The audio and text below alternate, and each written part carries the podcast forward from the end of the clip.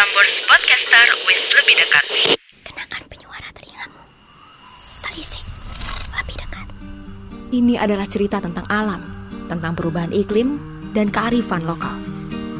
So this is all about nature, climate change, and local wisdom. Kamu sudah siap? Pasang penyuara telingamu. Kita mulai.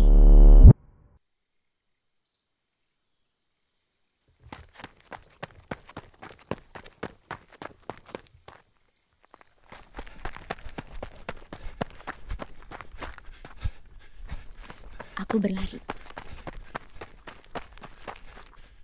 Semakin dalam. Dan kemudian berhenti. Berjalan perlahan. Sambil menyeka keringat yang menetes dari dahiku. Aku menghirup udara segar. Menikmati kicauan burung yang menyapa, dan memejamkan mata. Merasakan semilir angin pada wajahku. Dan kemudian,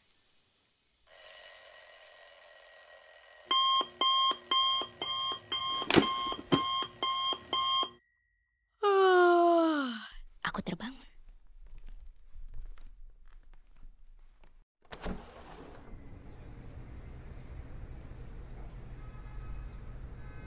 Aku selalu terbangun dengan pemandangan gedung-gedung pencakar langit.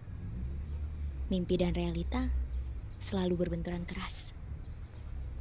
Semilir angin segar dalam mimpiku berubah menjadi semilir air conditioner yang kupasang sejak semalam.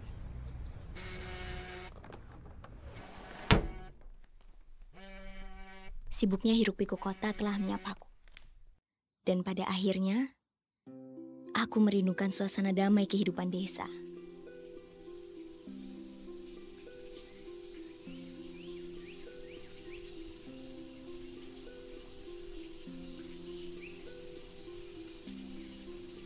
Harmonisasi yang indah antara alam dan manusia. Bising notifikasi pesan singkat sejak pagi hari, kepulan hitam asap kendaraan, dan keruh air di setiap sungai dan selokan. Pekat, membuat sesak bumi ini. Ke mana keasrian itu pergi? Hai, masih dengan aku Yohana, dan mari berpetualang mencari kisah.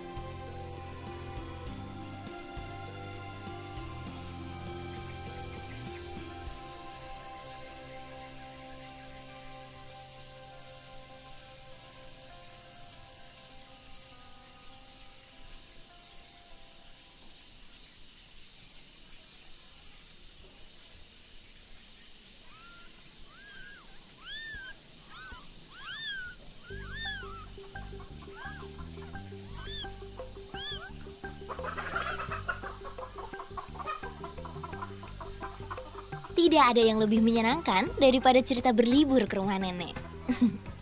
Jangan bohong, saat kelas mengarang di sekolah dasar, kamu pasti pernah mendengar atau bahkan mengarang cerita ini kan? Liburan kemarin, aku, mama, papa, dan adik pergi ke rumah nenek di desa. Sampai di sana, aku langsung main ke rumah teman di samping rumah nenek. Kami pergi ke sungai dan mandi di sungai. Di sungai ada ikannya, kecil-kecil. Habis mandi di sungai, aku pulang deh. Habis itu makan siang bersama mama, papa, adik, dan nenek. Masakan nenek enak sekali. Ceritaku 14 tahun yang lalu, hingga sekarang rasanya masih sama. Masih sama senangnya untuk pergi ke pedesaan yang masih hijau. Dan inilah perjalananku menjajaki desa Beji di Yogyakarta.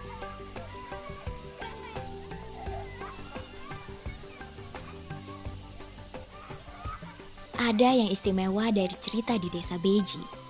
Itulah mengapa kami pergi ke sana.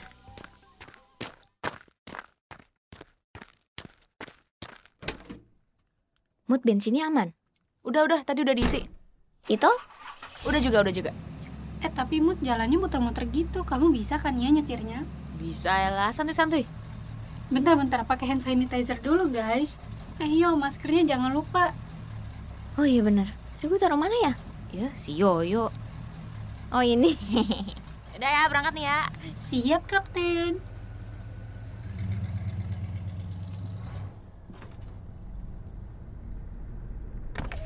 Aku membuka kaca jendela mobil yang telah kami kendarai hampir 8 jam perjalanan. Dari Tasikmalaya menuju desa Beji. Lihat, udaranya masih sejuk. Hamparan pohon membuat rindang jalan yang kami tempuh. Pukul 10 pagi. Jalanan menuju desa Beji tampak indah dengan siraman cahaya matahari. Tapi tidak ada yang sempurna di dunia ini. Desa Beji dan hutan Wonosadi menyimpan kisahnya tersendiri.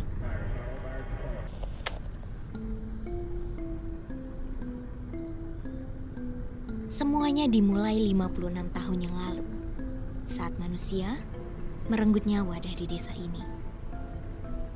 Ketika hutan masih hijau dan hidup harmonis berdampingan dengan masyarakat, segala sumber daya menyokong kehidupan mereka, termasuk air bersih. Kehidupan sangat menenangkan. Tapi kemudian, datanglah penjarahan. 1965, kawasan hutan Wonosadi di desa Beji kehilangan hampir seluruh pohonnya. Penggundulan pun terjadi hingga menyisakan empat batang pohon. Kehidupan faunanya pun terganggu. Banyak dari binatang di hutan tersebut mendatangi rumah warga. Banjir kerakal dan longsor pun terjadi di musim hujan. Alam memberikan peringatannya. Jadi kondisi waktu tahun 1965 sampai 1966 itu memang Wonosati pernah gundul ya Mbak ya. Nah itu kan uh, ada satu kelompok yang uh, dulu itu ingin merusak hutan. Nah, akhirnya uh, benar-benar terjadi hutan di Wonosati itu gundul tahun 65-66 itu. Nah uh, dari situ Mbak masyarakat merasa apa ya sangat uh, sangat takut sekali karena dengan adanya hutan jadi gundul itu kan uh, banyak kejadian-kejadian yang uh, menimpa warga. Terutama kalau dari alam ya ada banjir erosi seperti itu.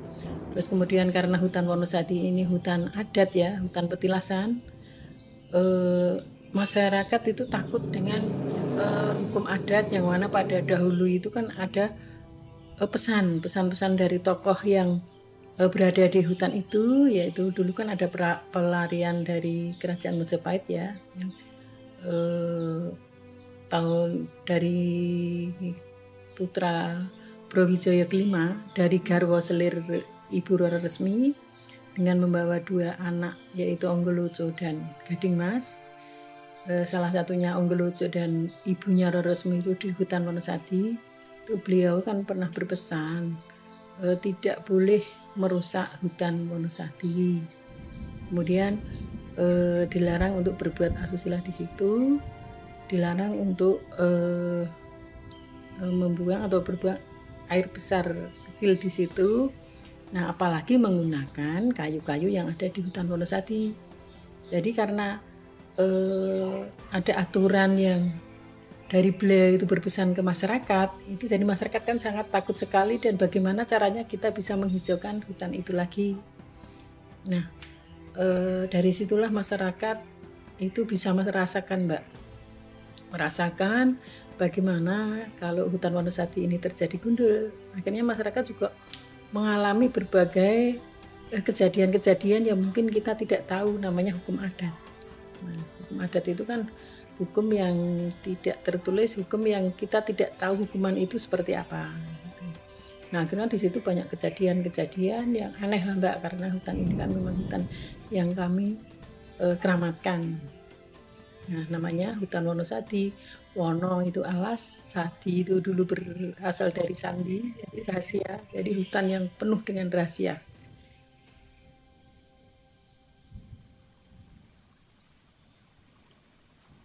Hutan Adat Wonosadi merupakan hutan suaka marga satwa yang terletak 40 km sebelah utara Pegunungan Seribu atau di bawah lembah Gunung Gambar.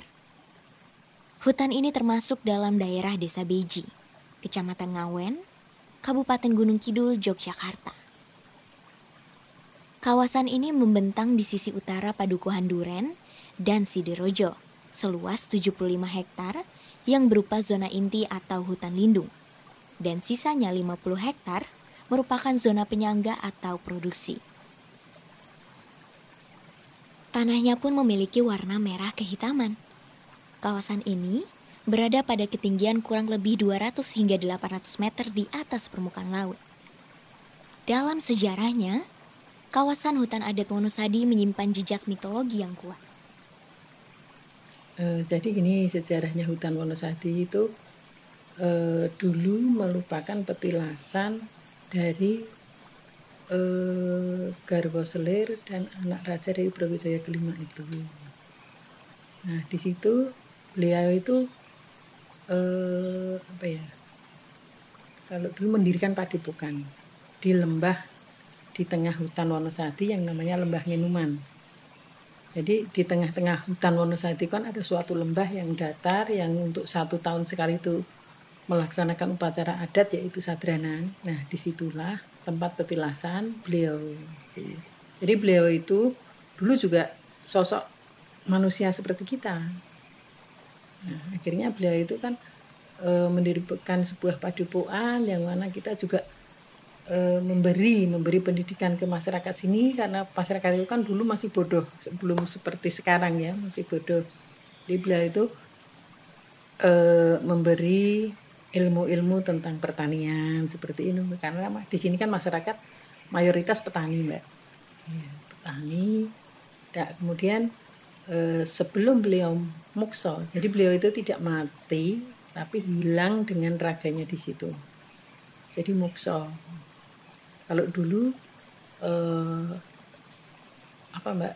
Waktu mau upacara adat sadranan itu kadang-kadang beliau itu memperlihatkan diri itu. Masih ada di situ gitu. Tapi nggak semua orang bisa melihat seperti itu.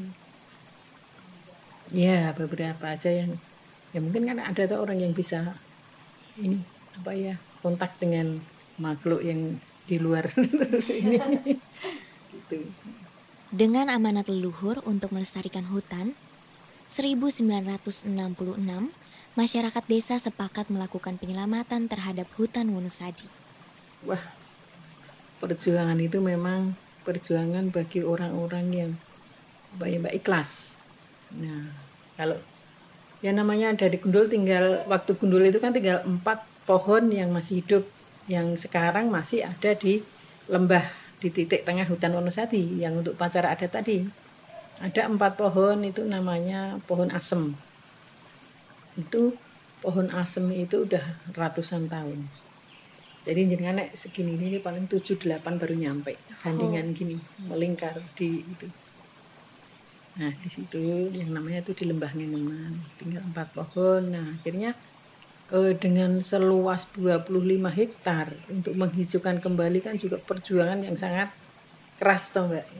Ya, itu akhirnya ya kami eh, masyarakat tidak pantang menyerah untuk bagaimana Wonosati ini bisa hijau kembali. Karena selain eh, kita memelihara adat juga kita eh, yang utama itu untuk menciptakan sumber air mbak.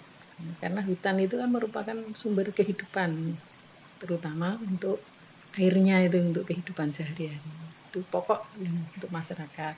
Selain kita memelihara eh, adatnya gitu.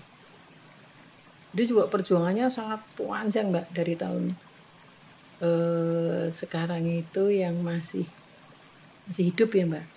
Dari beliau-beliau yang berjuang pada zaman sebaya bapak itu sekarang masih dua dua itu yang masih tapi ya sudah pikun udah fisiknya udah tua sekali. Itu yang ikut tahu seperti apa tanaman apa saja yang dulu tinggal waktu gundul itu.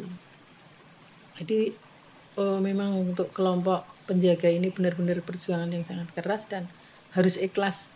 Karena dari tahun 65 sampai sekarang ini kita intinya kerja tanpa pamrih. Jadi yang intinya tadi tujuan kami untuk menciptakan hutan bisa hijau itu bisa menciptakan sumber air untuk kehidupan kita yang kedua memelihara adat gitu.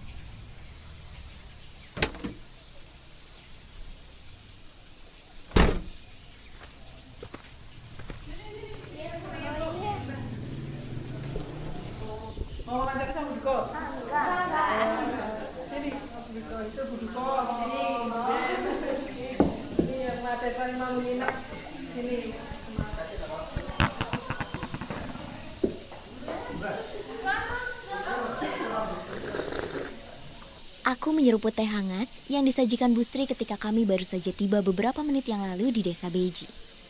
Ibu Sri adalah ketua organisasi Ngudi Lestari atau kelompok penjaga hutan Wonosadi yang rumahnya kami singgahi. Oh ya, aku udah sampai loh. Selamat datang di kawasan hutan adat Wonosadi Desa Beji. Hutan adat yang mendapat predikat Zamrud Gunung Kidul karena kepedulian masyarakat lokal terhadap kelestarian hutan dan kuatnya kearifan lokal. Kearifan masyarakat lokal tidak bisa lepas dari konsep mitologi atau mitos. Pernah dengar lah ya tentang mitos? Kalau aku sih waktu kecil sering ditakut-takuti mamaku pakai mitos. Katanya kalau makan harus habis, nanti nasinya nangis atau nggak dapet jodoh. Tapi kalau di Wonosadi, konsep mitos inilah yang membuat mereka taat melestarikan alam. Jadi mitos-mitos itu seperti gini mbak. Eh, jadi di hutan Wonosadi itu satu barang siapa melanggar aturan yang eh, intinya akan merusak hutan Wonosadi, beliau itu akan mendapat hukuman yang kita tidak tahu datangnya dari mana. Nah itulah yang dipegang masyarakat hukum adat yang kita tidak tahu datangnya seperti apa dan kapan dan bagaimana itu itulah yang dipegang masyarakat takut dengan hukum adat. Setiap tempat punya cerita, setiap desa punya mitologi dan tradisinya sendiri. Jadi jangan heran, mitos-mitos seperti ini selalu ada di desa-desa lainnya. Masyarakat desa Beji tidak pernah kekurangan sumber air bersih. Sumber mata air yang ada di hutan Wonosadi dijadikan sarana masyarakat dalam mengembangkan pertaniannya. Dalam penjagaannya, sejumlah kelompok penjaga hutan bertanggung jawab dengan pengelolaan hutan. Ada kelompok Jagawana, Mudi Lestari, Kahati, dan Pok Darwis. Eh tapi aku belum ceritain ya, gimana tampak hutan Wonosadi. Memasuki kawasan hutan lindung ini, aku ditemani oleh banyaknya bongkahan batu raksasa di sisi kiriku. Katanya sih berdasarkan penelitian, batu-batu ini berasal dari gunung berapi. Di sisi kanan berjejer rumah-rumah warga sekitar. Kalau kamu ke sini, sebaiknya persiapkan kakimu sebaik mungkin ya. Karena kamu akan disambut oleh 385 anak tangga menuju hutan. Di sekeliling anak tangga, terdapat banyak sekali tumbuhan bambu. Hutan ini memiliki tiga sumber mata air. Mata air kepuh, mata air belembem, dan mata air kalas. Ketiganya dijaga dengan sangat baik oleh masyarakat sekitar. Iya, karena dulu kan belum punya sumur seperti sekarang. Tiap rumah ada sumur. Nah, sekarang ini kan sudah ada mata air yang dari Wonosadi itu diberi bak penampung. Nah, kemudian disalurkan ke warga untuk eh, kehidupan sehari-hari sekarang ini. Kami menelusuri hutan Wonosadi ditemani oleh Mbah Sario, pemandu kami. Mbak Saryo juga bercerita, sumber mata air kepuh dapat digunakan untuk memenuhi 77 keluarga. Sumber mata air Blembem, sebagian ditampung di bak dan sebagian lagi dialirkan ke sawah. Sedangkan sumber mata air Kalas dapat digunakan untuk memenuhi 55 keluarga. Memangnya air itu dialirkan melalui apa? Itu lewat-lewat parit-parit itu. Kalau yang make yang dipakai air minum dan menceka itu pakai peralon. Dan pakai itu kan ada bak penampungan. Kalau diambil pakai peralon. Selebihnya dari untuk MCK itu ya masuk sawah itu. Jadi kalau di sawah itu yang ngatur sudah masing-masing. Yang penting rukun tidak rebutan istilahnya tidak boleh rebutan. Nek musim kemarau kan namanya sulit air itu yuk gantian. Jadi kurang lebih daya untuk menyiram tanah untuk tanaman kurang lebih Wonosati itu masih mencapai 25 hektar kalau musim kemarau. Kalau musim rendeng gini ya untuk persawahan banyak sekali hektar. Ya. Jadi kemarau pun nggak akan kering ya? Enggak selama namanya tidak pernah hutan Wonosati kekeringan. Walaupun tom kecil itu masih bisa dimanfaatkan oleh masyarakat. Kaitannya air. Sangkan Paraning Dumadi merupakan salah satu konsep yang dipercaya masyarakat dalam hidup berdampingan dengan hutan Wonosadi. Masyarakat sekitar membaginya ke dalam beberapa prinsip. Sopo sing maringi urip. Itu berarti hidup manusia merupakan pemberian Tuhan yang Maha Esa. Sopo sing urip-urip. Siapa yang memelihara kita adalah orang tua kita. Maka haruslah kita menghargai jasa mereka. Mereka yang dimaksud adalah para leluhur. Sopo sing nguripi. Sumber penghidupan kita adalah ibu pertiwi. Haruslah kita mencintai tanah tumpah darah dan memelihara sebaik-baiknya. Sambe kalaning urip. Mengerti arti dan tujuan hidup. Jangan sampai kamu tergoda mencuri dan merusak lingkungan untuk memperkaya diri sendiri. Jadi kita tuh hidup kan selalu ingat siapa yang memberi hidup. Ya kami memelihara hutan ini bukan kami memuja-muja hutan, gunung dan sosok makhluk yang ada di situ kan enggak. Intinya kita tuh eh, mari kita untuk segala sesuatu yang kita lakukan itu mengingat yang di atas.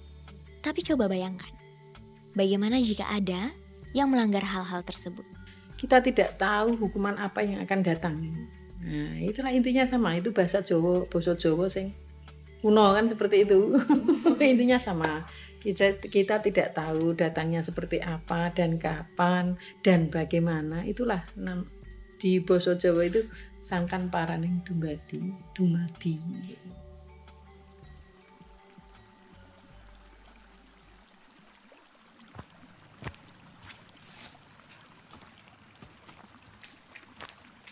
Kami terus menelusuri hutan sembari menepuk-nepuk kaki kami yang sepertinya digemari nyamuk.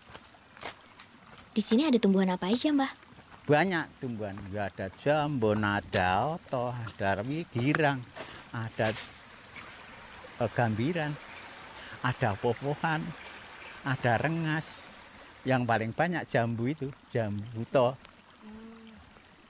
Itu kadang-kadang kan kalau berbuah, itu kadang-kadang kan kera pada suka. Karena rasanya kulitnya manis tapi isinya besar nah, kalau jambu buto. Ya yang paling yang paling bagus ini penyerapan jambon ini nampung air banyak. Karena ini kalau dideteksi pakai alat itu 25 menit itu baru kelihatan anu alum. Kalau di kan, kan ada alat yang di kertas itu loh. Terus kalau ditempel itu 25 menit itu baru kelihatan halum. Kalau itu apa, Pak? Layu.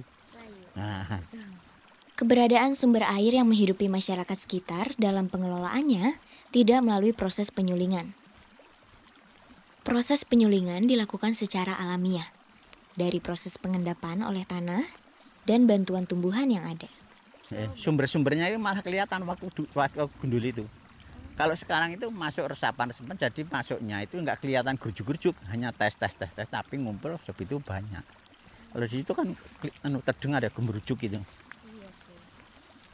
Kira-kira debit airnya Waktu dulu waktu masih ditimbang saya membawa dari dinas kesehatan untuk ngecek pH-nya itu rata-rata dulu itu satu mata air ini 12 liter per detik. Waktu dulu.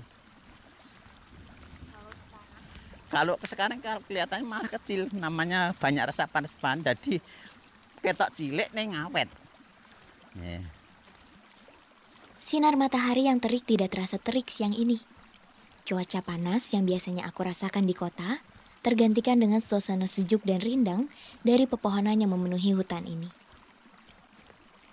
Setelah puas mengelilingi hutan, kami memutuskan untuk berjalan kembali ke arah rumah Busri. Konon katanya, sumber kebahagiaan datang dari dunia di sekelilingmu. Hal yang paling singkat sekalipun. Kedamaian dan keharmonisan ini setidaknya selintas menjadi kebahagiaan tersendiri bagi kami. Aku membayangkan apa yang akan terjadi ketika perubahan iklim merebut segalanya. Apakah 10 tahun lagi sumber mata air di sini akan tetap aja? ya untuk eh, mungkin kita memandang ke depan mungkin beberapa tahun ke depan itu mungkin mungkin hutan Wonosati ini akan lebih lebih apa ya lebih tentang mata airnya lebih bagus lagi. Karena selalu kan ditambah tanaman yang bisa menyimpan air gitu. Keadaan di sini berbeda dengan kondisi di kota, terutama Pulau Jawa, yang berdasarkan berita kini mengalami kelangkaan air bersih. kalau mungkin gini mbak kalau di kota itu mungkin krisis air bersih itu memang ada mungkin ya mbak ya itu memang karena mungkin pengaruh dari sampah dan sebagai limbah kayak gitu. Tapi kalau di khususnya di daerah kami di lokasi sekitar hutan Wonosati itu nggak mungkin ada krisis eh, tentang air gitu. karena di situ eh, airnya itu benar-benar dari sumber kemudian dimasukkan di bak penampung itu kan terlalu bersih gitu. Lalu bagaimana jika daerah ini tetap terdampak? Ya tetap melestarikan hutan ini supaya jangan sampai punah air bersihnya. Pokoknya tetap dikelola, jangan sampai hutan ini punah atau rusak. Tak selamanya alam bisa memberikan semua hal yang kita butuhkan. Krisis dan tragedi bisa terjadi kapan saja. Apalagi ketika kita tidak mampu hidup berdampingan dengannya. Ya terutama kalau masyarakat kota mau mengikuti jejak Kaya Wonosati harus selalu ada kesadaran istilahnya kepengen menanam penghijauan-penghijauan yang di sela-sela jangan ditanami gedung. Itu harus mengadakan istilah hutan-hutan yang dikelola. Itu pasti nanti tumbuh merasakan hasil itu keberhasilan hutan itu apakah daripada ditanami gedung apakah ada manfaatnya dari hutan adakah manfaat dari gedung memang kalau gedung itu tempatnya orang mentereng orang bisnis. Tapi hutan itu kan bisa diturunkan sama anak cucu kita. Di, kalau gedung kemungkinan memang kalau anak sekarang kepinginnya sekolah yang pinter jadi insinyur jadi direktur bisa ngusake gedung. Ini tidak cukup. Manggon nek gedung ademe saka kipas nek manggon ning hutan ademe saka alami kepenak di hutan alami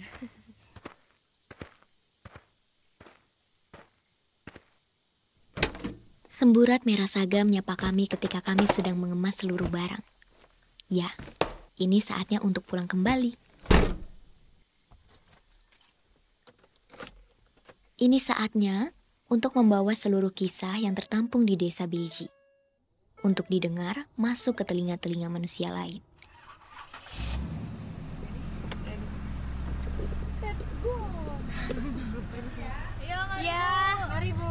Perjalanan mencari kisah tidak selalu mudah, tapi pelajaran yang didapat selalu bermakna. Beruntungnya aku dan kedua rekanku bisa merasakan langsung seberapa besar energi keharmonisan alam dan manusia melalui perjalanan desa Beji. Menjaga mata air, menjaga kehidupan. Kita tidak pernah tahu kapan kita akan benar-benar merasakan langkahnya air bersih? Satu yang pasti, kehidupan ini berawal dari diri.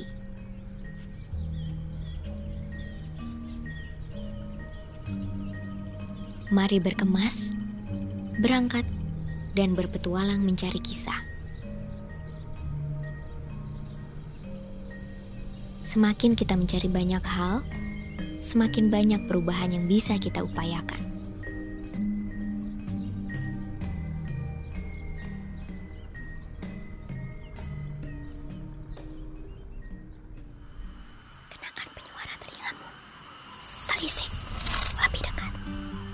Adalah cerita tentang alam, tentang perubahan iklim, dan kearifan lokal.